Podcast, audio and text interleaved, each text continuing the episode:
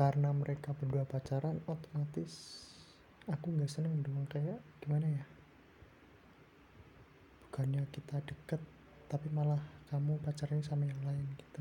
Deketnya sama aku tapi pacarnya sama yang lain gitu waktu semester 1 nah waktu itu juga aku buat pembuktian tuh aku ngikutin lomba lo lomba pramuka gitu ya. Walaupun yang semester 1 pertama nggak jadi ikut lomba karena ada problem gitu sama pembina. Kemudian waktu masuk semester 2 tuh bulan Januari Februari 2015an lah. Iya 2015 ikut lomba dan itu menang. Karena menang dipanggil di depan dan dikasih penghargaan. Dan posisi itu si Bila itu udah putus waktu bulan Januari.